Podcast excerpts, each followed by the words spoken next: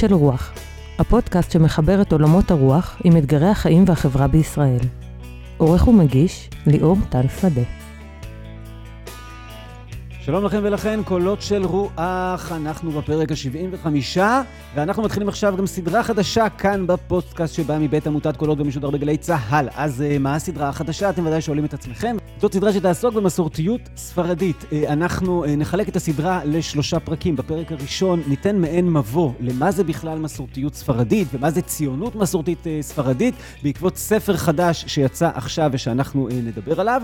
בפרק השני אנחנו נשקע ל... מי שהיא, אני חושב, מיוחדת בתוך הנוף הזה של המסורתיות הספרדית, שזו ז'קלין כהנו, ובפרק השלישי נדבר קצת על אה, הגות רבנית מסורתית, וננסה להבין מה זה הדבר הזה. איך נעשה את זה? הרי אני לא אדבר על זה לבד אשכנזי שכמותי, אלא אנחנו מארחים, ויותר נכון מתארחים, בגלל שאני עכשיו בבית שלו, אה, אה, מארחים את אופיר טובול, שלום אופיר. שלום ליאור. תודה רבה, אופיר הוא משפטן, הוא איש תקשורת ומייסד של תנועה שנדבר עליה בשם תור הזהב, הוא מגדיר את עצמו כמי שעוסק בקידום יהדות מחברת ברוח המסורתיות הספרדית, וממש לאחרונה יצא ספר חשוב מאוד בעריכתו, הספר כל התור, ציונות מסורתית ספרדית. אז איזה כיף שהצלחנו להיפגש אחרי הרבה ניסיונות ואחרי הרבה בעיות שגרמה לנו המלחמה הזאת. אז בואו נתחיל בניסיון אה, לגעת במהות ולברר מהי מסורתיות ספרדית. קשה מאוד להגדיר את המסורתיות הזאת, בגלל שחלק ממה שמאפיין אותה זה שהיא לא רוצה לשבת תחת אה, הגדרה מסוימת, היא לא סגורה, היא לא תוצאה של איזו הגות קפדנית, אי אפשר להגיד, אה, מסורתיות זה ההגות של X או Y, והיא מתארת, אולי אפילו תתקן אותי אם אני טועה, מתארת בדיעבד אורחות חיים יהודיים שהתפתחו בקרב יהודים, בעיקר שחיו בארצות האסלאם, ולאחר מכן שהגיעו לישראל ויצרו את המסורתיות הספרדית הישראלית. אבל בכל זאת אי אפשר אה, פטור בלא כלום, ולכן מה שננסה לעשות, וזה יהיה מרכז הפרק, זה למצוא מאפיינים לתופעה הזאת, שאם מקבצים את כל המאפיינים האלה ביחד, אז אנחנו יכולים לדבר על מסורתיות ספרדית. ולמזלנו, בספר שדיברנו עליו, אופיר כתב מבוא, ובמבוא הוא הציע שישה מאפיינים למהי מסורתיות ספרדית. אז אנחנו, מה נעשה? ניקח מאפיין מאפיין, ננסה לנתח אותם, אני אנסה להקשות ולהגיד, רגע, אבל למה ככה וככה, ולהתקיל את אופיר. אה, והוא אה, ישיב לי מנה אחת אפיים, וככה נרד לעומק העניינים. אז בואו נתחיל בהתחלה, המאפיין הראשון שאתה אומר, זה שהמסורתיות היא יהדות משפחתית. אוקיי, okay, אז אה, קודם כל ברוך הבא באמת אליי, לבית, גם מתאים לעשות את זה כאן. בדיוק בשאלה שלך על מסורתיות משפחתית, מה, מה בעצם הרעיון, אני, אני אומר שהמצווה החשובה ביותר למסורתי היא כבד את אביך ואת אמך. כי מה זה בעצם המסורתיות? המסורת היא דבר שנמסר על ידי מי? על ידי ההורים, על ידי דור הסבים והסבתות, וזה דבר שאני רוצה למסור אותו לילדים שלי. כלומר, זה, זה הבסיס של המסורתיות. הבס, הבס, הבסיס הוא המסירה. המסירה קורית בתוך העולם הזה של המשפחה, בתוך התא הזה המשפחתי, וזה גוזר יהדות ש, ש, שהמשפחה זה הבסיס שלה. כל הסיפור, אה, כל הסיפור מתחיל במשפחה, הוא הבסיס שלה. אה, זאת יהדות שמבחינה אה, מבחינה תרבותית היא מאוד משפחתית, אני לא לומד את, ה, את מה צריך לעשות או את היהדות שלי מספרים או מרבנים, אלא מסבתא שלי או מאימא שלי או מאבא שלי.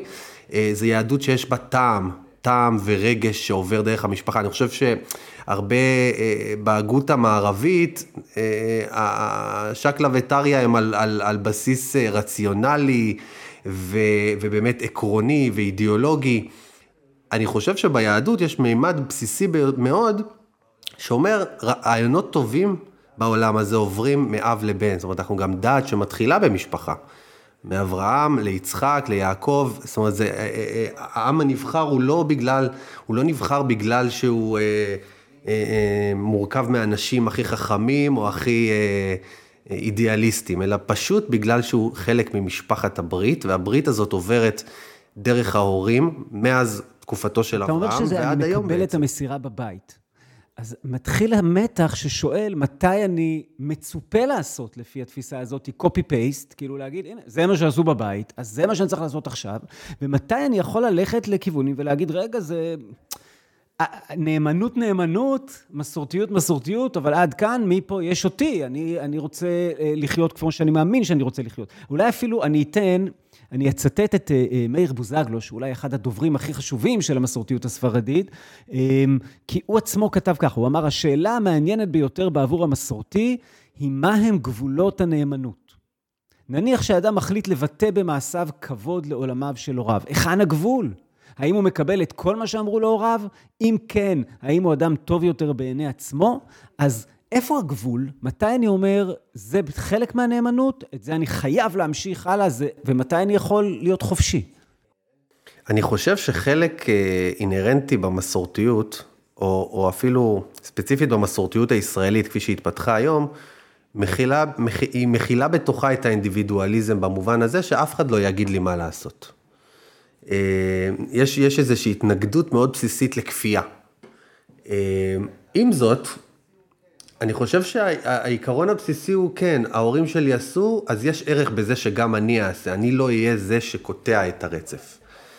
אה, אני יכול להגיד לך על עצמי שאני חי אורח חיים די שונה מהאורח חיים של ההורים שלי.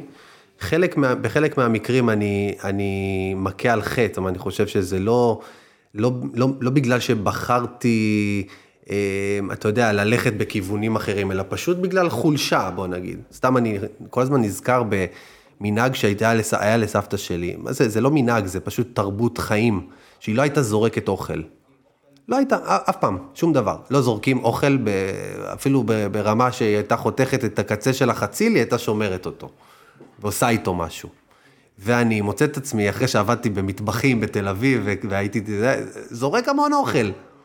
אז, אז, אז אני לא, אני, בנקודה הספציפית הזאת, סתם, נקודה קטנה שאני חושב עליה, שהיא מאוד, מאוד סמלית, כן, הקטע הזה של לזרוק אוכל. אני חושב, אגב, שזה לא רק עניין ספרדי, אלא בכלל, קשור לתרבות השפע. אז הנה, זו דוגמה למסורת שאני לצערי הרב מאוד לא ממשיך. אבל יש נגיד דברים שאתה אומר, הנה דוגמה למ... לא, הנה, דוגמה למסורת שאני לשמחתי הרבה לא ממשיך. לא לצערי הרב. זאת אומרת, להגיד, עד כאן גבולות הנאמנות. כאן, זהו, עד כאן. כן. תראה, אני לא אניף את זה כדגל, ואולי בטח נדבר על זה אחר כך, על היחס להלכה, ואני לא אניף את זה כדגל, אבל אני יכול לתת לך, תשמע, אצלי, אצל ההורים שלי, אה, ניקיונות לפסח למשל, זה דבר שמתחיל בחודשיים לפני, וטירוף עולמות. אצלי, לא. אני לא ממשיך, אני באופן אישי לא ממשיך, אני לא אומר לך, לא, כולם לא צריכים להמשיך את זה, כולם לא צריכים, אה, אני לא הופך את זה לאיזה עיקרון, צריך לשנות את המנהג, לא. אני אישית לא משתעבד לדבר הזה. לא, לא הופך את זה לאיזה ערך או עיקרון, אבל, אבל, אבל אני, אני רוצה להגיד במובן העקרוני, אחת הדמויות המעניינות בספר שלנו, הרב חיים דוד הלוי, מדבר על, ה, על היסוד של השינוי בהלכה. זאת אומרת, יש איזו תפיסה שמרנית שאומרת לא צריך לשנות בהלכה, חדש אסור מן התורה. אני חושב שבעולם החילוני זה ישן אסור מן התורה. אה, התנגדות בסיסית לכל מה שחדש או לכל מה שישן, הרב חיים דוד הלוי אומר, בלי אה, אה, ללכת, ההלכה לא תהיה רלוונטית. מה שהופך את המסורת לחיה, מה שהופך אותה לרלוונטית, זה שכל דור ודור באים אנשים ומתאימים אותה לאורח חיים שלהם, תוך כבוד לזה שאתה לא הולך עכשיו לשנות הכל. יש ציטוט יפה של ביאליק, אני חושב על זה. הוא אומר, תמשיכו את המסורת, תייצרו משהו חדש, אבל אל תתפרעו. כלומר, תשמרו על, ה, על, ה, על הפורמט הבסיסי. חוגו את חגי אבותיכם והוסיפו עליהם קצת משלכם, לפי כוחכם ולפי טעמכם ולפי מסיבתכם, והעיקר, אל תתחכמו הרבה. זה, זה משאיר את המסורת אה, אה, חיה, בועטת, רלוונטית, בלי שעכשיו פירקת אותה מבפנים, בלי שערערת על היסודות שלה. בעיניי היסודות שלה הם המשפחה, עוד פעם, מאוד חשוב. אה, ואני לא, זאת אומרת, יש, יש הרבה דברים שאני לא עושה אחרת, יש דברים שאני לוקח על עצמי שההורים שלי לא עושים, שאני מוסיף, זאת אומרת, הדור, הדור שלנו, סתם לדוגמה, הנושא של הפרשות חלה. סבתא שלי לא הייתה עושה אה, אירועי הפרשת חלה, ועדיין היום זה נתפס כאיזשהו מין אירוע מסורתי, נשי. אה, זה, זה משהו שהדור שלנו הוסיף אותו לתוך הסדר הזה. זאת אומרת, זה לאו דווקא רק דברים שאנחנו עושים פחות מהדורות הקודמים, אלא יש דברים שאנחנו עושים יותר. אז אני מבין אותך שאתה אומר ככה, השלד, הבסיס זה יהדות משפחתית, זה משם אני אה, אה, לומד את רוב הדברים, משם אני מקבל, משם אני לוקח, זה הבסיס שלי. אני כן אשנה, גם בזה שיש דברים שאני לא אעשה וגם דברים שהם לא עשו ואני אעשה, אבל אני לא אהפוך את השינוי הזה לעיקרון, אלא אני גם משנה. יש... זה מאוד, מאוד דינמי בעניין הזה, ש... גם היום, גם, גם אני כאדם פרטי, לא אותו דבר כל הזמן. זה לא שיש סט של הלכות או, או, או מצוות שאני עושה ואחרות אני לא עושה. היום אני הולך לבית כנסת כל יום שישי, מחרתה, אה, עוד חודשיים יקרה איזשהו משהו ואני יכול לקנות כיסא בבית כנסת. אה, אה, וללכת גם בשבת, ואחר כך אני יכול להתחיל לנסוע בשבת, לא לנסוע. זה לא שאני עכשיו קבוע במשהו. אני יכול להשתנות גם בתוך אדם מסוים, יכול, אה, יכולה להיות הדינמיות הזאת. יש שיר ממש יפה של אסתר שקלים, כותבת ככה: אה, לעולם לא אשאל הלי אתם או לצריי, בני חושך או בני אור, כי אתם אבי אבותיי ואבות אבותיי, חכמי העדה, ואני לאבותיי ואבותיי לי. לא אכריז מלחמה, לא ארדוף ולא אשיג, לא אמחץ ולא אביס, זה אבי וענווהו אבותיי וארוממם. אני חושב שזה מתאר את זה מאוד יפה, גם בין היתר כי שמנו עכשיו במרכז את המשפחה ולא את אלוהים, אבל אולי על אלוהים נדבר עוד מעט. טוב, זה היה המאפיין הראשון מתוך שישה, המאפיין השני, הגדרת אותו, המסורתי, לא מערער על ההלכה, אך בוחר את מקומו האישי מולה. אם אני בוחר את מקומי האישי מול ההלכה, איך אני לא מערער עליה? אז בואו נסביר את זה. אה, הייתי, הייתי משתמש בדוגמה. תנועה קונסרבטיבית בארצות הברית יכולה, אה, אני חושב שכן, אכן שחררה גם פסק הלכה כזה, שניתן להגיע לבית הכנסת בשבת ברכב. ויש גם בבתי כנסת אה, כאלה בארצות הברית חניון ליד הבית כנסת שמיועד בדיוק לזה. מסורתי לא יגיד בחיים כזה דבר, הוא פשוט יגיע לבית כנסת ברכב, נניח שהוא צריך לעשות זאת, יחנה שלוש רחובות, אה, שלושה רחובות ליד, וילך ברגל כי לא נעים לו אה, מהרעב או, או מאיך שזה נראה. למה זה לא צביעות? למה זה, כי הרי מה, מה שמשנה לנו זה עקרונות, או מה שמשנה לנו זה החיים. אם מה שמשנה זה החיים, שזה, אתה אומר, אז הנה עכשיו, אומר, בחיים אני נוסע עם הרכב לבית כנסת. למה אי אפשר גם להגיד, חבר'ה, בוא נכיר בזה שנוסעים עם הרכב לבית כנסת, לא צריך להתחבא שלושה רחובות מאחור. שאלה טובה. אה, יש, יש משהו בחוסר עקביות הזה, שאני חושב שצריך... אה, להבין את הערך שלו. יש ערכים שאני אומר, הם גדולים ממני. אני לא יודע למה, אבל לא נושא, זאת אומרת, זה מה שהתקבל, גם במסורת הדורות הרבני וההלכתי הרבני, ואני אומר, כזה ראה וקדש, אבל אני בוחר את מקומי. זאת אומרת, אני לא בא ומנהל מלחמות, אני לא יודע מה כולם צריכים לעשות, אני לא בטוח שכולם צריכים לנסוע בשבת. יש ערך, גם אני אומר יותר מזה, מי שלא נוסע בשבת, מגיע לו את ה... כל הכבוד, כן? אה, אה, אבל אני, אבל אני יצטרך להיות כחלק מה, אה, מהקהילה, אם אני מגיע לבית כנסת, אם אני נוסע לים, אני אחנה בים. אם אני נוסע לבית כנסת, אני אחנה כמה רחובות ליד, ואלך ברגל מתוך, ה, מתוך הכבוד הזה ליושבי בית הכנסת, מתוך ה... אתה יודע, היו לי דודים שהיו... אה, אה, בשבת אחר הצהריים פתאום נעלמים, לאן הם הלכו? לאן הם הלכו? כנראה לעשן, כי, כי, כי הם לא, לא, כמובן לא היו עושים את זה ליד הנכדים או ליד, ליד סבתא, כדי לא לצייר אותה וכדי לא להעביר מסר אה, אה, אה, שלילי. כלומר, אתה יכול לבוא ולהגיד, לצאת, זאת אומרת, בעולם המערבי, או בעולם המערבי האירופאי במאה ה-19, כאשר, כאשר התחיל הפיצול בין, בין ה, אה, אה, כל הזרמים השונים, ניטשה מלחמה על הנושא הזה, על הנושאים האלה.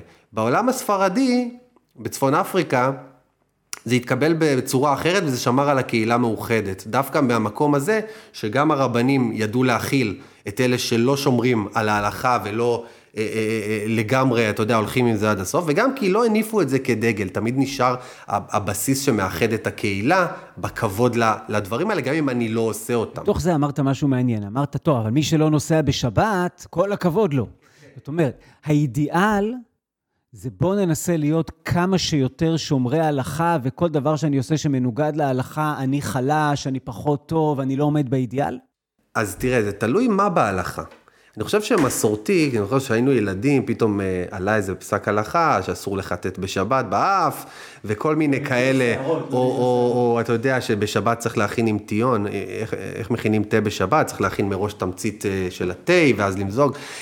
בהלכה יש הרבה נקודות כאלה שמסורתי, בוא נגיד המסורתי הסביר יסתכל על זה ויגיד מה כאילו... כן, מה, מה אתם יורדים איתי לקטנות? אז זה לא שהשאיפה שלי בחיים זה להיות כזה נוקדני בהלכה. הלכה וכל דבר כזה לעשות. אבל על הדברים הבסיסיים והחשובים, כן, בהחלט. זאת אומרת, אה, אה, מה שאנחנו תופסים כבסיס, לא להדליק אש בשבת, יום כיפור, ברית מילה, פסח. אתה יודע, כשהגעתי פעם ראשונה לתל אביב אחרי הצבא, והייתי בפסח פה, ופתאום ראיתי שבאמת יש חמץ ברחובות ובתי קפה ומסעדות, אני הייתי בשוק. אני, אתה יודע, מבחינתי זה לא, זה, זה לא, זה לא היה, זה לא, זה לא קיים במרחב הציבורי. אז אתה, לא, אז אתה בעצם אומר לי ככה, המסורתיות היא דתית, היא מחויבת להלכה, היא מקבלת בהבנה, בהכלה, באהבה, את זה שרבים מבניה ובנותיה אה, לא מקיימים את ההלכה עד הסוף. אני לא יודע מה זה דתית. מה זה דתית? המושגים דתי וחילוני הם זרים לי. אוקיי, המסורתיות מחויבת להלכה ומקבלת בהבנה ובאהבה את זה שחלקנו חלשים, אה, לא עושים עד הסוף, אה, לא עקביים לגמרי, אז היא מקבלת את זה בכיף ובהבנה ובאהבה, אבל היא מחויבת להלכה בעיקרון. אה, אה, כן, הייתי אומר שכן, זה תיאור די קרוב, אם כי, עוד פעם אני אומר, אני מחויב לסבתא שלי, לא להלכה. זאת אומרת, זה לא שיש לי בבית ספר ילקוט יוסף, או קיצור שולחן ערוך, שכתוב לי מה אני צריך לעשות, ואני פותח אותו וקורא. לא, אני מחויב למה שראיתי אצל סבתא שלי, למסורת הדורות היהודית, שסבתא שלי קיבלה מסבתא שלה וכולי. אה, לזה אני מחויב, זאת הנאמנות שלי. ומה עם המקומות, נגיד, אוקיי, יש כשרות ויש אה, ל- אה, כיפור ויש לחנות ליד בית כנסת.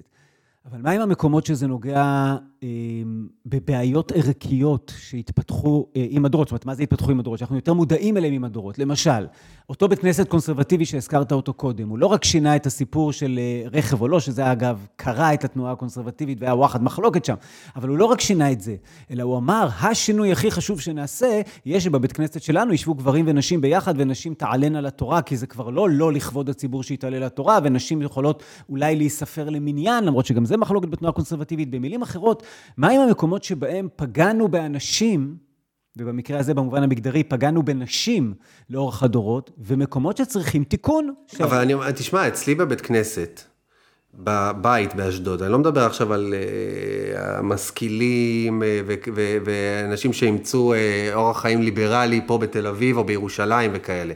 אבל אם אני חוזר עכשיו, חוזר לבית של ההורים ולשכונה שממנה באתי, ושאני חוזר אליה כל שבוע, שבועיים uh, uh, להורים, מעולם לא נתקלתי שם באישה שמעוניינת לשבת בבית כנסת ביחד עם הגברים. זאת אומרת, ההפרדה, ההפרדה, ההפרדה המגדרית, אני חושב שהעניין הזה של, של, של הפרדה מגדרית, אה, תשמע, כששאלו, כששאלו לפני 200 שנה אה, אדונים לבנים, הם אמרו שהם מעולם לא נתקלו בשחור עבד שהיה רוצה להיות אדון. אבל אתה מבין, ש, אבל אתה מבין ש, שהתפיסה שזה מה שיש- שמש- שישחרר את הנשים מהקהילה שלי באשדוד, זה לא מה שהן רוצות? אבל האישה בקהילה באשדוד, ההפך, אתה, מ- אבל אתה שהיא מבין לא שאת, נספרת, אבל היא אתה, לא אתה מבין שאתה בעצם רוצה, זאת אומרת, באמירה הזאת, מאיים על המקום ועל הזהות הייחודית הנשית של, של, של אנשים. עכשיו תבין, בשבילי, עזוב, אני גם ליברלי וגם בעד שוויון לנשים והכול, תגיד לי עכשיו ללכת לבית כנסת. אה, שיושבים בו נשים וגברים ביחד, וכל, ה- זאת אומרת, אתה בעצם, ש, אה, אה, בעצם כרתת את, ה, את הגזע שעליו, את, ה, את הענף שעליו אנחנו יושבים. אבל רגע, אני- אם האישה באשדוד, אני אגיד לך למה, כי בעצם, אם הבסיס הוא המסורת, והבסיס הוא איך ראיתי כילד, איך ספגתי את המסורת, איך נחשפתי למסורת הזאת בבית הכנסת, ואם נחשפתי אליה בדרך מסוימת, שההפרדה המגדרית בה היא בסיס, זה לא סתם איזה, עוד איזה משהו שבוא נשנה את הפיוט הזה והזה. ההפרדה שיש אזהרת נשים, והנשים והגברים הם, הם בנפרד לכמה שעות, כן? אני רואה בזה ערך, כן? עכשיו, ברגע שאתה משנה את הדבר הבסיסי הזה, כבר אין, אתה מוציא לי את הסיבה להגיע לבית הכנסת. קודם כל, מה יקרה עם האישה באשדוד? הבת שלה, כן? או הנכדה שלה, תבוא ותגיד, כן, אל תדבר בשמי, אני, אני רוצה. אז אחלה. אם. אז אני אומר, זה סיפור אחר. אם הבנות שלי והנכדות שלי ועוד 80 שנה, המסורת והמסורתיות תתפתח באופן אורגני וטבעי למקום הזה, מצוין, להם זה יהיה משהו אחר. אה, יכולה להיות אבולוציה, אל תבין אותי לא נכון, שכאילו זה הבסיס של, ה, של המסורת, זה הפרדה מגדרית. כיום, כיום, ההפרדה, בוא, בוא תבין משהו. שאבא שלי היה הולך לבית הכנסת, שה- שהגברים היו הולכים לפעמים לבית הכנסת, והנשים היו נשארות בבית, יצא לי הרבה פעמים להעדיף להישאר איתן בבית. זה היה פשוט איך אומרים? פרייסלס. זה היה מדהים להישאר איתן בבית, כי זה היה מרחב אחר לגמרי, כי כל הגברים עכשיו לא איתם, וזה יצר מקום מאוד ייחודי משלהן. עכשיו, אתה רוצה להגיד לי בשם הפמיניזם, אה, לשלול את הדבר הזה?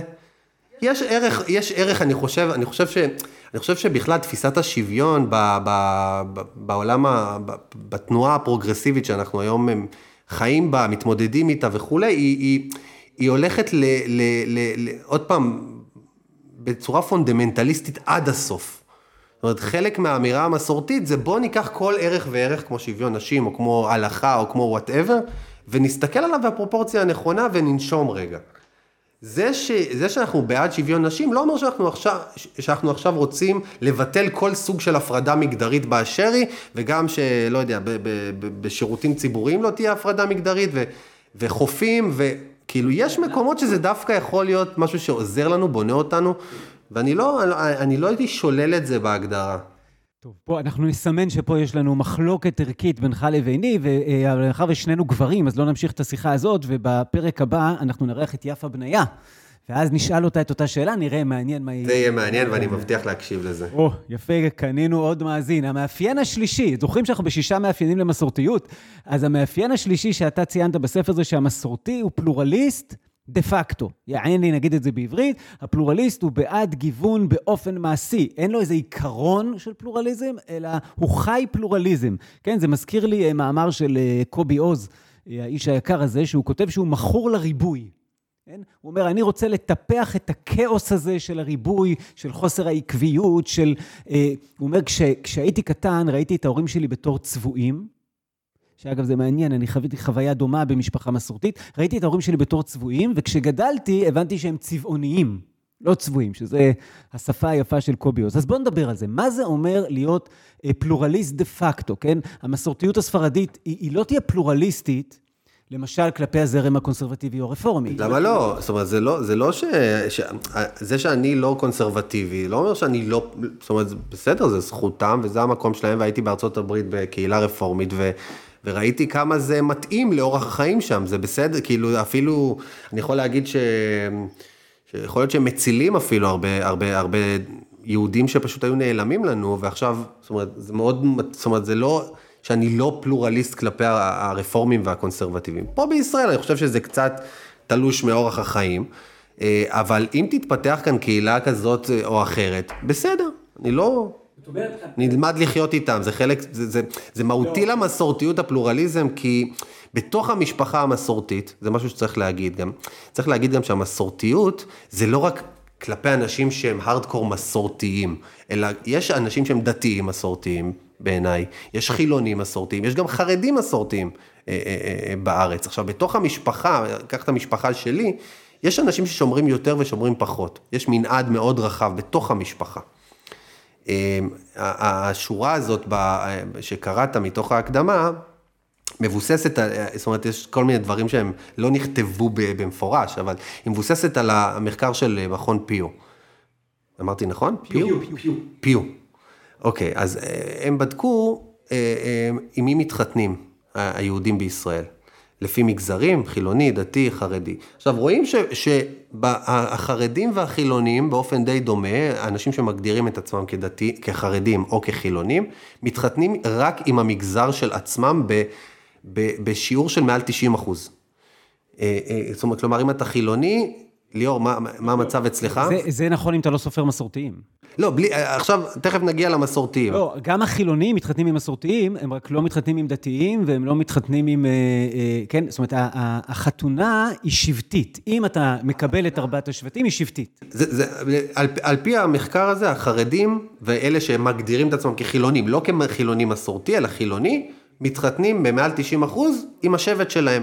המסורתיים, לפי המחקר הזה רואים שאני חושב שהנתון הוא רק 60 אחוז מהמסורתיים מתחתנים עם מסורתי, הם מתחתנים בהגדרה, זאת אומרת בשיעורים מאוד מאוד גבוהים, עם חילונים, עם דתיים ועם חרדים. כולם מתחתנים עם מסורתיים ומסורתיים מתחתנים עם כולם. בדיוק. מה זה אומר?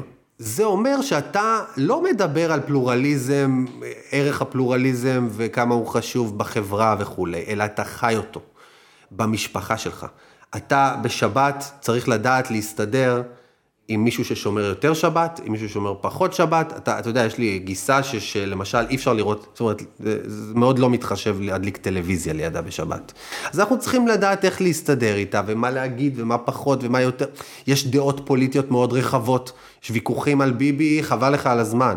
כל, כל, בכל שולחן שבת. יש, כל הזמן אתה חי, שלא לדבר על זה שאני חוזר לילדות, לבניין שגדלתי בו. אה, אה, אה, למרחב שהוא באמת מסורתי, שהיו בו, היה, היה לי בבניין רב, רב ציוני דתי, שלימד אותי גם לבר מצווה, היה לי משפחה קראית, משפחה אשכנזית, משפחה הודית, מש... הכל מהכל. כשאני משווה את זה לשכונות ההומוגניות ש, ש, של הציבור החילוני או של הציבור החרדי, שכולם פחות או יותר אותו דבר, ואתה יודע פחות או יותר להגיד... כבר לא ככה. כמה שכונות הומוגניות חילוניות יש? בוא, בוא, שאלת אותי קודם איך זה אצלי? אמ, אז אני לא, לא, לא מתחמק. אה, אני גדלתי במשפחה מסורתית, אשכנזית. שלחו אותי לבתי ספר דתיים, החלטתי לחיות חיים חילוניים מחוברים עמוקות ליהדות. התחתנתי עם אה, אה, דבי שדה, שבמקור זה דבורה סעדה. אבא שלה סורי, אימא שלה יווניה. המשפחה היא משפחה מאוד מסורתית. היא עצמה בחרה באורח חיים מאוד חילוני, וחברנו ביחד שנינו, ואנחנו גרים בשכונת רמת שקמה, שבשמה האמיתי סלמה ג', שבבניין יש לנו הכל, פשוט, לא, אין חרדים, אבל יש את כל הגיוון היהודי. אז אין, היום זה כבר לא, יש שכונות מסוימות בתל אביב, אתה חי באחת כזאת. אני, אני, אני חי בשכונת הדר יוסף, not for long צריך להגיד. אה, שכונה שהייתה פעם אה, אה, מאוד באופי מסורתי וספרדי, והיום היום אני, אני חושב ש... ש... זאת אחוזי ההצבעה פה הם למחנה המרכז-שמאל מאוד מאוד גבוה, והנחת המוצא של האדם שמדבר איתך, ההורים בגן וכאלה, זה, זה שאתה כמוהם. לזה אני מתכוון. הנחת המוצא, איפה שאני גדלתי, הייתה שאף אחד לא, לא, לא בדיוק כמוך. זאת אומרת, אתה היית צריך כל הזמן לחיות בחברה הטרוגנית, אני אומר, גם בתוך המשפחה שלי יש חילונים ויש חרדים, בתוך המשפחה שלי. אני, אני לא יכול, זאת אומרת, יש גבול לכמה אני יכול להיות אנטי חילונים או אנטי חרדים. אז בתוך... אתה נגד המשפחה שלך. כן, בדיוק, אתה מבין? לכן המסורתי, יכול להיות שהוא לא ידבר על רב תרבותיות ו- ו- ו- ופלורליזם וכל המילים הגבוהות האלה, אבל דה פקטו הוא חי חיים שבשכונה שלו יש מגוון, ובמשפחה שלו יש מגוון, ואין ועדות קבלה, ואין, אתה מבין?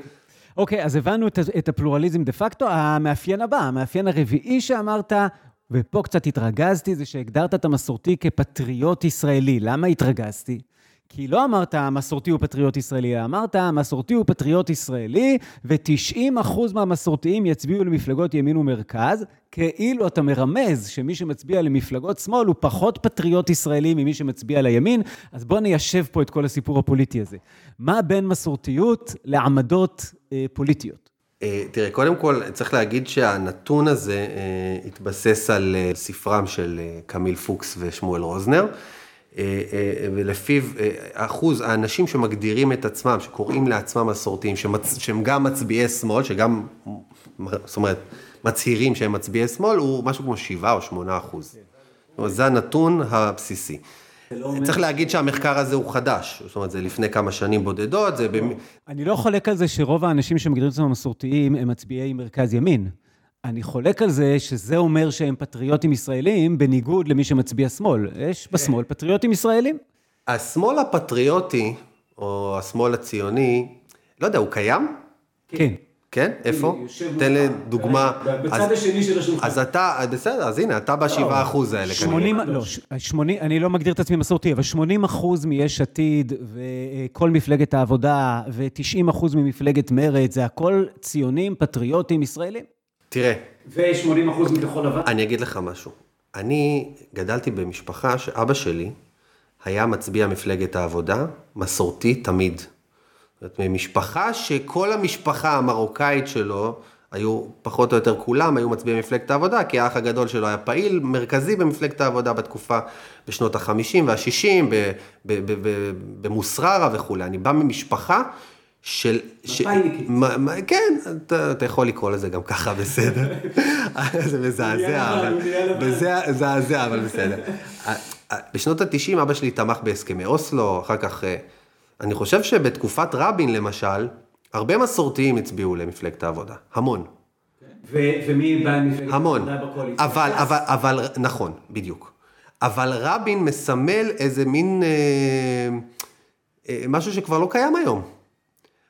אני חו... אה, אה, מפלגת... נקודת השבר, מפ... אמצע שנות יש נקודת שבר מאוד משמעותית שהיא ב... לא, לא אמצע שנות ה-90, זה אחרי, שנות... אחרי האינתיפאדה השנייה, קריסת הסכמי השלום וכולי. השמאל הציוני, תראה, הזכרת, מפ- מפלגת יש עתיד, היא לא מגדירה את עצמה כשמאל. אה, מפלגת העבודה היא השארית האחרונה של השמאל הציוני. כשאני מסתכל על מפלגת העבודה היום, מרב מיכאלי, אבתיסאם מראענה ושותפיה, אגב, זה לא איזה אה, מילה גסה להגיד שזה לא המימד המרכזי במפלגה הציונות, כן? זה, זה, זה מפלגה שהיא, אה, לא הבנתי למה הם לא התאחדו עם מרץ, כי הם מאוד מאוד דומים באג'נדה. ומרץ היא מפלגה שיש בתוכה דיון ער בשנים האחרונות, על האם היא מפלגה ציונית. לדעתי היא כבר לא מפלגה ציונית, או, או שבוא נגיד, כל הדיונים האלה היא הכריעה שהיא כן. בוא נגיד שלא הבנתי באיזה מובן היא מפלגה ציונית, בכך שהיא, ברגע, בכך שהיא שמה במרכז האג'נדה שלה שישראל תהיה מדינה יהודית ודמוקרטית. אוקיי.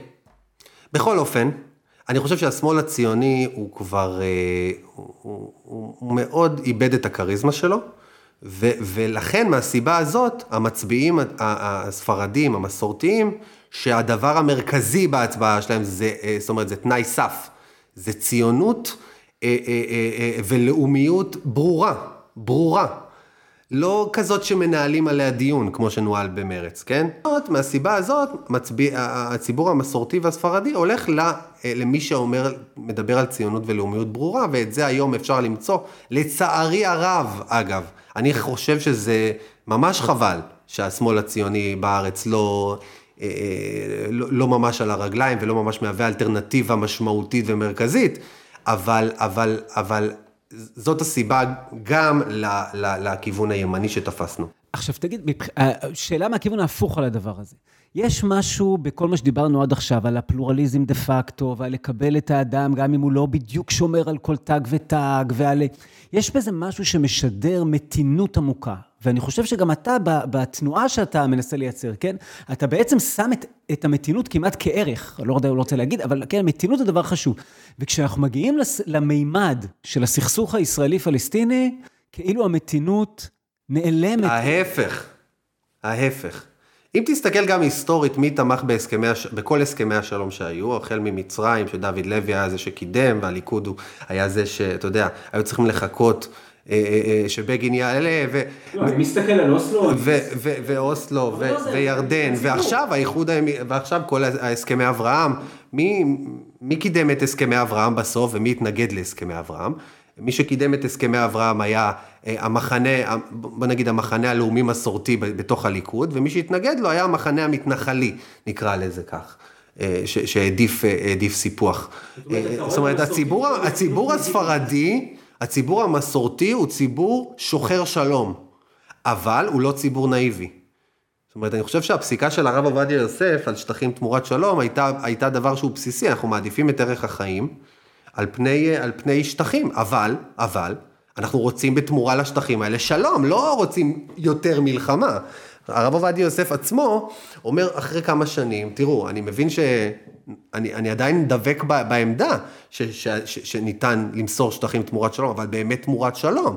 השאלה האם מה שמציעים לנו היום ב, ב, בזירה המדינית, מכיוון מרכז-שמאל, הוא שלום, אני לא בטוח.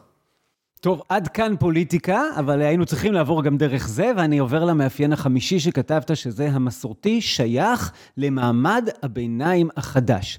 אז אם אתה יכול להסביר מה הכוונה, וגם למה הדבר הזה מגדיר מסורתיות, או שהוא לא מגדיר מסורתיות, הוא פשוט דה פקטו זה המצב. אני חושב ש... תראה, קודם כל זה כמובן גם כן מסתמך על, אה, על אה, נתונים של הלמ"ס, על אה, הכנסה שמחולקת לפי, אה, לפי רמה דתית בארץ, ואני חושב שבאופן מסורתי היה נכון, באופן מסורתי, היה, היה מקובל לחשוב שהציבור המסורתי הוא ציבור מהמעמד הנמוך, ציבור עני, כן, אתה אומר כאילו בעבר, בעבר. היום אנחנו יודעים שגם המשכורת הממוצעת של הציבור, שאפשר לאפיין אותו כמסורתי ספרדי, הוא גבוה מהמשכורת הממוצעת במשק. זה, זה מעמד ביניים, וזה מעמד ביניים לא, זה לא מעמד ביניים מבוסס. זה, אני חושב שזה כן מאפיין זהות של אנשים כמוני, שזה מעמד ביניים חדש. כלומר, למשל, הסיפור של דור ראשון להשכלה גבוהה. זאת אומרת, ההורים שלי לא זכו לקבל השכלה גבוהה, ואני כן. המכללות, איפה שלמדתי משפטים, כמעט כל הסטודנטים היו בעלי הרקע הזה, ממשפחות מסורתיות, כאלה שגרים בבית אצל ההורים עד גיל מאוחר, וניגשים ללמוד משפטים או ראיית חשבון, מקצועות שהם יוכלו להתפרנס איתם, והם הדריכה הראשונה של, של המשפחה בתוך ההשכלה הגבוהה. זאת אומרת, המסורתי הוא מעמד הביניים החדש, אתה מתכוון למסורתי של היום. לפני 30 שנה זה... המסורתי, היה... נכון, המסורתי של היום. והיה חשוב לי להגיד, היה חשוב לי לזקק את הנקודה הזאת, כי עצם יציאת הספר, כל התור, אני חושב שהוא, שהוא, שהוא תוצר של התהליך הזה.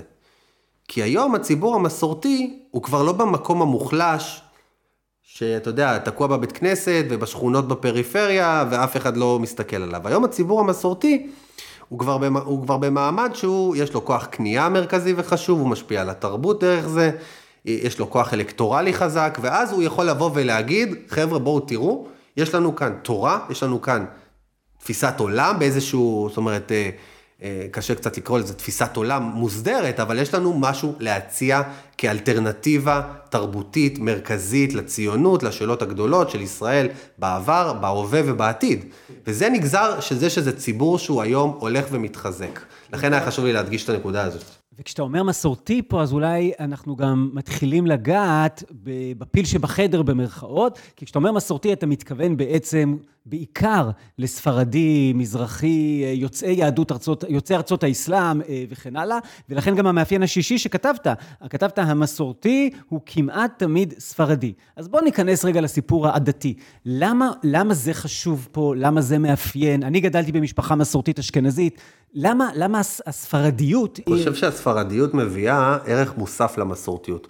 נכון שברמה העקרונית והיסטורית, אני מרחיב על זה גם בהקדמה, אה, המסורתיות הייתה שייכת לכולם. היא הייתה הסטנדרט היהודי במשך מאות שנים בגולה ו, וגם, וגם כאן בארץ, אה, אה, היא הייתה הסטנדרט היהודי. רק שבשלב מסוים הספרדים, יוצאי ארצות האסלאם, שימרו את, ה, את המסורתיות הזאת בתוך הקהילות שלהם. היום הם באים ומגישים אותה בחזרה לחברה הישראלית כהצעה שהיא לדעתי הכי רלוונטית לניהול גם חיים פרטיים וגם חיים לאומיים ציבוריים. אבל אני חושב שכשאנחנו מחזירים את ההצעה, היא מגיעה עם ערך מוסף ש, אה, שדבק בה, וזה הספרדיות והסיפור של המזרח התיכון. ההבנה שאנחנו חיים במזרח התיכון, זאת אומרת, גם הנושא של השפה הערבית והתרבות המזרחית שמקיפה אותנו, הוא כבר בא עכשיו יחד עם המסורתיות אה, אה, וחוזר לציבור הישראלי כולו. ויש פה עדיין אה, מאבק עדתי, הרי היה צריך להיות מאבק עדתי, כן? היה מוקדי הכוח במדינת ישראל, צריך לשים את זה, מה שנקרא, על השולחן בשיחה הזאת, היו בידי האשכנזים במשך הרבה דורות, היה נדיר לראות במוקדי הכוח התרבותיים, המשפטיים, הפוליטיים. ובמידה רבה גם היום. כן, אז אתה מרגיש שזה גם היום ושהמאבק... תראה, כמה יוצאי ארצות האסלאם יש בבית המשפט העליון למשל? אוקיי, אבל אם עכשיו, אה, נכון, אבל אם עכשיו אתה תיקח אה, את האליטה הפוליטית היום בישראל זה עולם אחר, אם אתה תיקח את המוזיקה ברדיו זה עולם אחר, אה, שינוי יש. נכון, מה שאתה אומר זה נכון, יש שינוי משמעותי, אני לא בתקופת, אנחנו לא בשנות ה-70 ולא בפנתרים השחורים, השינוי הוא, הוא ניכר לעין, גם, גם מבחינת החלוקה, חלוקת המשאבים בחברה. אבל, אבל ההבדל בין הרדיו והפוליטיקה זה שאת, שהציבור הוא זה שנותן את הטון על הפוליטיקה, הוא זה שמצביע, הוא זה שמאזין לרדיו ונותן שם את הטון. באליטות הלא נבחרות, שזה מערכת המשפט, האקדמיה, כמה מרצים באקדמיה אני נתקלתי שהם מגיעים מרקע דומה לשלי או של ההורים שלי, מעט מאוד.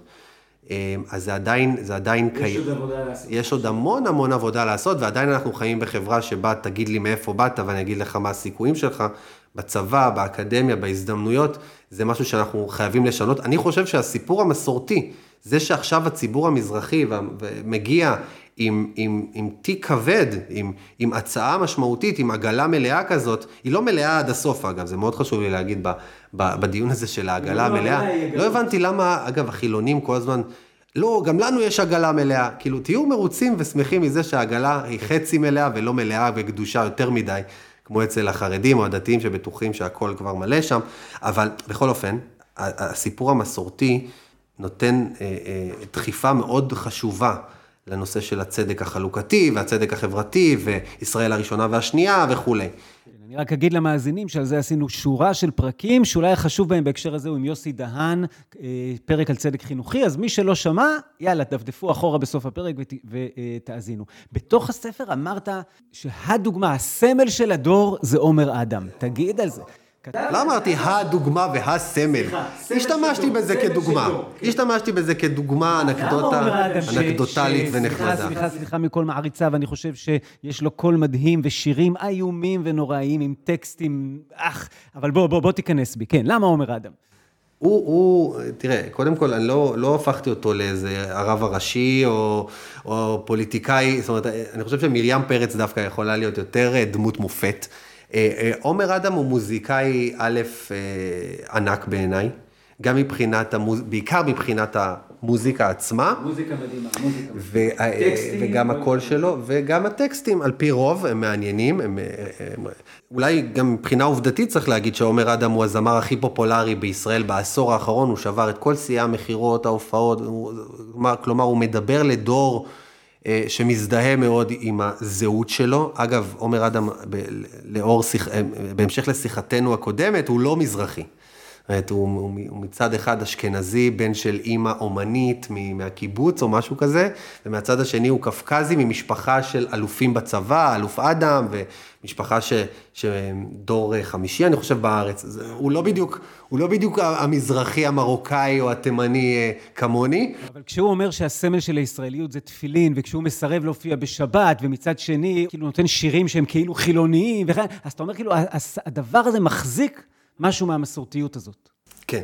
תראה, קודם כל יש לו גם שירים ש, שבהם זה ממש הצהרת uh, עצמאות של מסורתיות, יש לו שיר שנקרא יום השישי, הוא שר בתוכו את, את הקידוש של שבת, ואז מספר איך הוא הולך בשבת לים, ויוצא, וכמה, כמה, כמה, מתאר את השבת שלו, כן. והוא יכול באמת להוציא שיר, אה, שיר למצעד הגאווה, ושיר אמוני, כמו מודה אני, שהפך להיות, שהפך להיות סוג של המנון, אה, גם בחברה הדתית וגם בכלל, והוא הוא, הוא פשוט נמצא בכל המקומות האלה. איך היית מגדיר אדם שבאמת הוא לא דתי, אבל עדיין הוא לא מוכן להופיע בשבת, גם אם זה באירוויזיון? לא, ברור, ברור, עומר אדם זה מסורתיות. והדרך שבה הוא מחובר למרחב המזרח תיכוני, גם זה די מדהים לראות אותו מסתובב בדובאי ומצטלם עם, עם, עם אומנים אה, ערבים הכי, הכי בכירים, ו, ויש לו את היכולת לשיר עם גידי גוב מצד אחד, ומצד שני את השירים הכי ערבים שיש. אני אגיד לך אה, אה, משהו שאני לא מבין פה, אוקיי? כאילו עומר אדם אני מבין.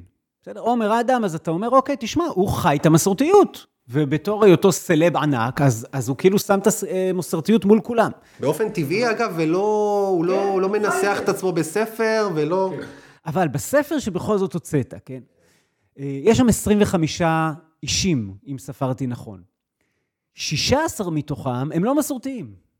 16 מתוכם הם רבנים ספרדיים. מסורתיים. אז הנה, פה, פה, אז כאן, אז... הם לא חיים כפי שעכשיו אמרת. אז את המסורתיות אפשר להסתכל ממש ברזולוציה של מסורתי במובן הצר של המילה, שזה באמת אותו אחד שעושה קידוש ואחר כך יכול לנסוע למשפחה למחרת.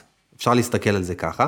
אפשר להסתכל על המסורתיות במובן רחב של המילה, שבה יש אנשים שהם חרדים מסורתיים, ויש אנשים שהם דתיים מסורתיים, ויש רבנים שמדברים על, על, על זה שהם לא מגדירים את עצמם כדתיים או כחילונים או, או בכל ההגדרות האלה, אלא הם פשוט יהודים. כן, אבל הרבנים האלה הם לא חיים בעצמם אה, את הגמישות ואת הפלורליזם שדיברת עליהם. הם מכילים את הדברים האלה, הם מקבלים אותם באהבה, הם שינו את היחס, חלקם... אבל הם חיים בקהילה קח דוגמת הרב עובדיה יוסף, המייצג של חרדיות, אה, של, של בכלל הזרם הזה של חרדיות ספרדית. הוא עצמו גדל ב, ב, ב, במשפחה מסורתית, דבר שלא מדברים עליו מספיק. הוא עצמו גדל במשפחה מסורתית, חי בקהילה שהייתה מגוונת במקום שבו הוא גדל. הוא דיבר, אם אתה משווה אותו לחרדים, למנהיגים החרדים האשכנזים המקבילים אליו, שהם דיברו רק ל...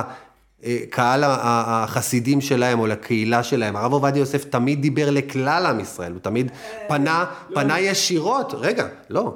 לא, לא לכלל עם ישראל, לכלל המסורתיים בעם ישראל. הרב עובדיה יוסף דיבר בצורה חמורה וחריפה מאוד נגד חילונים ונגד קונסרבטיבים ונגד רפורמים. בהחלט, נכון, נכון.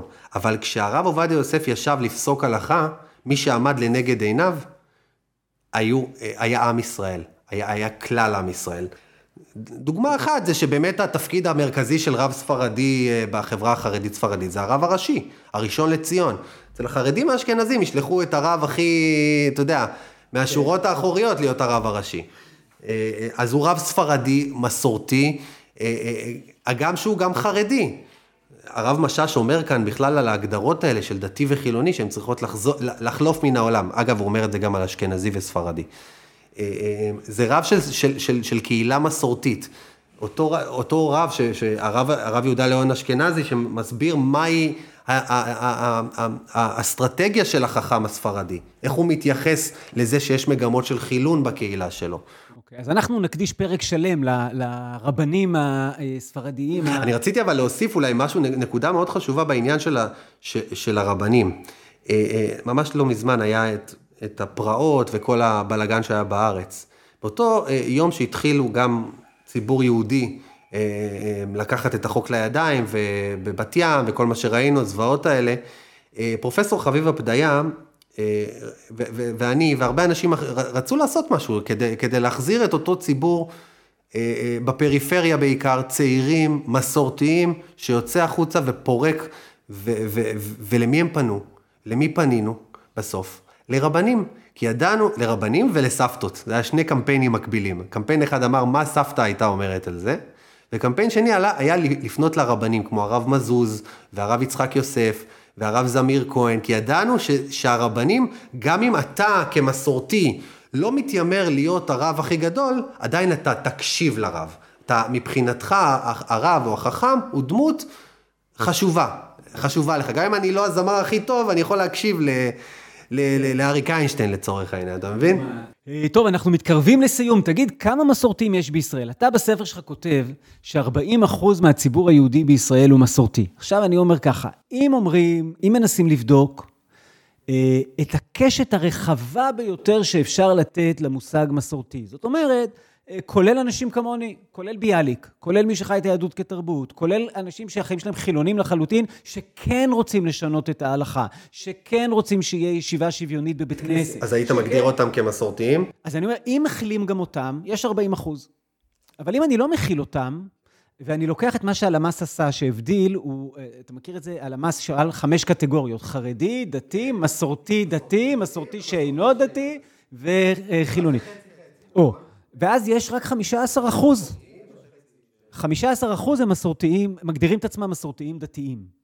זאת אומרת, האם, אני חושב שבעצם המסורתיות שאתה עכשיו תיארת לנו בצורה נפלאה, היא חצי מ-40 אחוז, היא 20 אחוז. אתה חושב שאני תיארתי יותר את הצד המסורתי-דתי? ברגע שאחד, שהמאפיינים אומרים ככה, ההלכה היא אידיאל, אסור לגעת בהלכה. אבל גם המסורתי החילוני, אה, מה שנקרא בית הכנסת שהוא לא הולך אליו הוא אורתודוקסי.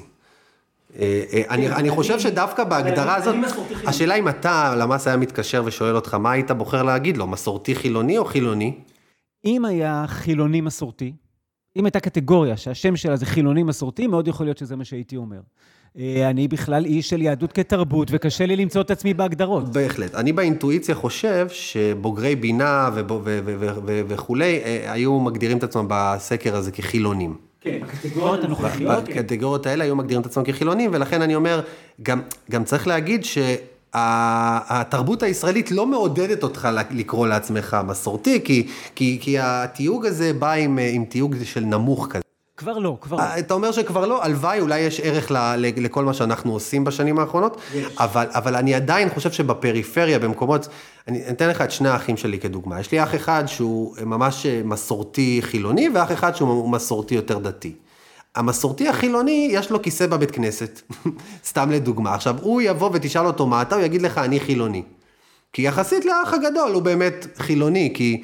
כי, כי הוא, לא יודע, נוסע בשבת או דברים, אבל הוא, הוא תמיד יעשה קידוש והוא תמיד, והוא ילך לבית כנסת והוא לגמרי, זאת אומרת, ההגדרה, צריך להסתכל אולי יותר נכון על פרקטיקה. זאת אומרת, תן לי, מה שמעניין אותי זה כמה יהודים בישראל שהם לא דתיים עושים קידוש בשבת. זה מה שמגדיר אותם לצורך העניין כזוכרי שבת או, או, או כמסורתיים לצורך העניין. אוקיי, מה לא אמרנו שצריך להגיד? אולי צריך להגיד מילה על uh, מדוע הספר בעצם נקרא ציונות מסורתית.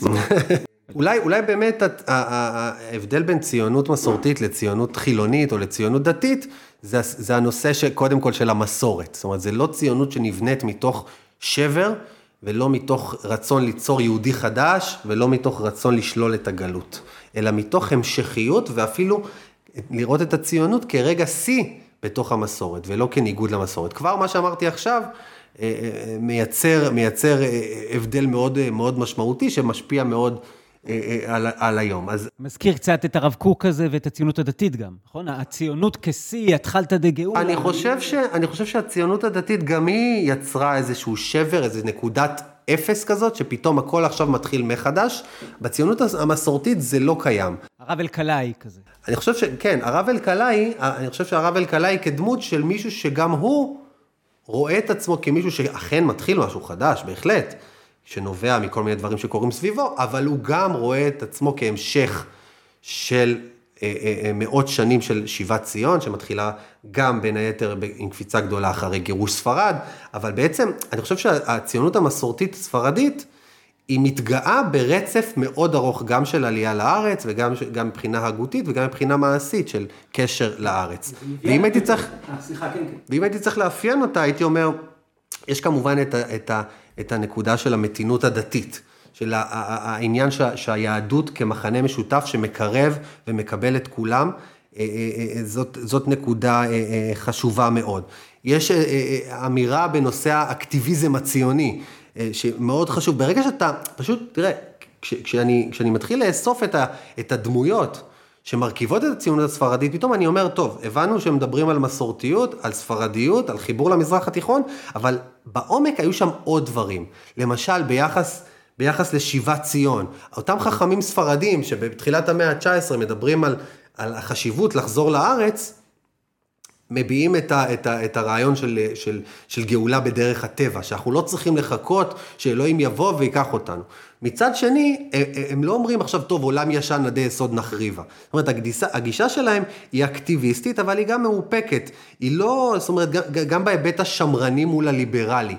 כן לייצר אבולוציה, כן להשתנות, כן להתקדם, אבל לא, לא, לא בקצב, כן, בדיוק, במתינות, במתינות, מאוד מאוד חשוב. הם היו כאלה שראו את, ישראל, את מדינת ישראל כחלק מהמרחב של המזרח התיכון. אגב, לטוב ולרע, אנחנו צריכים להבין את השפה הערבית, לא כי אז זה אומר שאנחנו נאהב את כל, ה, את כל מה שאנחנו נשמע, אלא פשוט כי אנחנו נבין שאנחנו חלק מהמרחב הזה.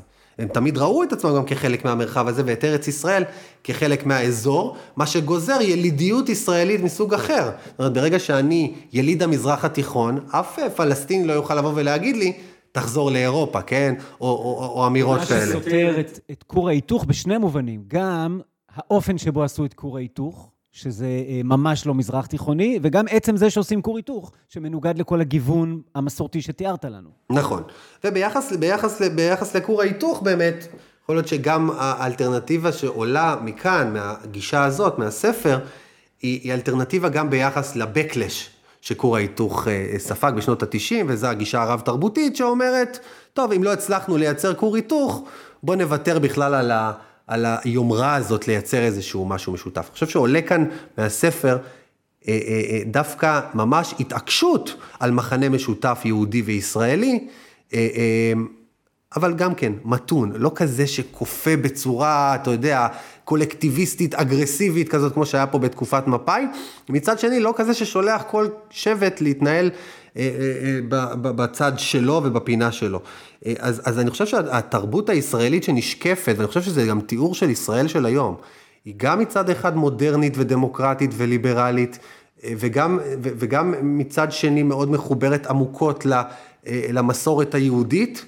יש מימד של תרבות מזרח תיכונית, אומרת השפה הערבית כבעלת מעמד מיוחד והתרבות המזרחית החמולתית הערבית כמשהו שהוא חלק מהתרבות שלנו ולא אה, אה, שיח יהודי מקף ערבי, אלא משהו שהוא אורגני, משותף. ואני חושב שהמובן שלא דיברנו עליו מספיק, של הערכים החברתיים, זאת, זאת ציונות חברתית, זאת ציונות שלא הייתה יוצרת כאן פריפריה. זו ציונות שאין בה ישראל הראשונה והשנייה, כן? אותם, אותם חכמים אומרים, אם זאת לא תהיה מדינה צודקת, היא לא תהיה. זאת אומרת, זה לא, אתה יודע, כמו הציונות הדתית, שרואה איזה קו ליניארי שאנחנו עכשיו בדרך לגאולה. זאת אומרת, כאן יש יותר חיבור לאמירות של נביאי ישראל שאומרים לנו, אם זאת לא תהיה חברה שיש בה צדק ומשפט, הארץ תקיא אתכם. זה גם נקודה אה, אה, מאוד חשובה, ויחד עם כל זה צריך להגיד שהיחס לאידיאולוגיות ובכלל לתפיסות עולם, כולל זאת שהצגתי הרגע, צריך להיות מתון, צריך להיות, לקחת בערבון מוגבל, לא ללכת אף פעם עד הסוף, ללכת להטיל ספק, לא להיות דוגמטיים. מאוד מאוד, מאוד מאוד חשוב הדבר הזה, כי אנחנו באמת, איך מאיר בוזגלו אומר, חברה שיש בה את, את כמות האידיאולוגיות פר מטר הגבוהה בעולם. לכן, אה, אני חושב שאלה סימני דרך בעיקר, אה, ש, שמציעים גם הסתכלות אחרת על הציונות, על התנועה הציונית האירופאית עצמה, גם על הציונות כתמונה רחבה של אלפי שנים של, של תהליך שיבת ציון, וגם, ואני חושב בעיקר על החברה הישראלית היום, איזה חברה אנחנו רוצים לבנות כאן, לנו ולעתיד, לילדים שלנו. אמן, אופיר טובול. תודה רבה. אני מציע לכם, מאזינות ומאזינים, פשוט תקנו את הספר, קוראים לו כל התור, ציונות מסורתית ספרדית. תכתבו בגוגל, אם מיד יעלה לכם במלא חנויות ספרים. אה, זה שווה, זה שווה לקרוא את זה, וזה שווה שזה יהיה על המדף בבית, כי זאת גם אמירה. ואופיר, תודה רבה, פתחת לנו אחלה פתח להתחיל להבין לעומק את הסיפור המסורתי ספרדי. אז תודה. תודה רבה. ותודה על האירוח, ותודה לכם ולכם שאתן מאזינות ומאזינים, וכרגיל, מי שאהב, מי שחשב שזה מחדש משהו, מי שחשב שזה מסביר משהו, אז למה לשמור את זה לעצמכם? זה לא יפה, צריך לחלוק את הדברים האלה, אז תעבירו הלאה לכל מי שאתם רק רוצות ורוצים. אה, ואנחנו נתראה בפרק הבא, שימשיך את הסדרה הזאת, ובו נפגוש את יפה בניה ונשוחח על ז'קלין כהנוב. אז תודה.